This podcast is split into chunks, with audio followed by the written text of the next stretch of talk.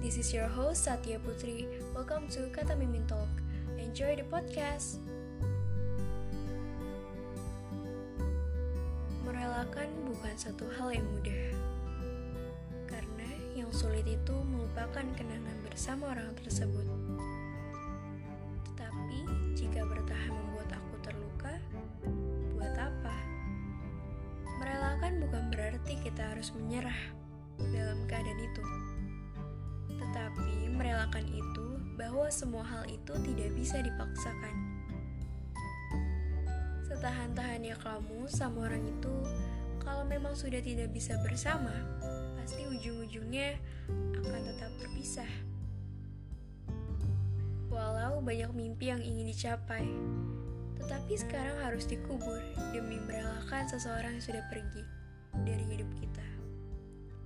Banyak sekali hal yang tidak terduga. Aku tahu ini tidak mudah, tetapi hidup bukan tentang bahagia saja kok.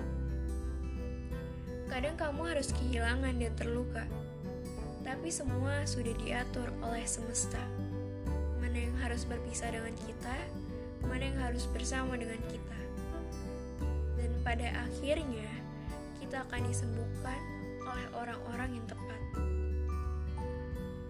kita terlalu asik bersedih dengan kenangan itu, hingga kita lupa banyak hal yang membuat kita bahagia dan melupakan kenangan itu.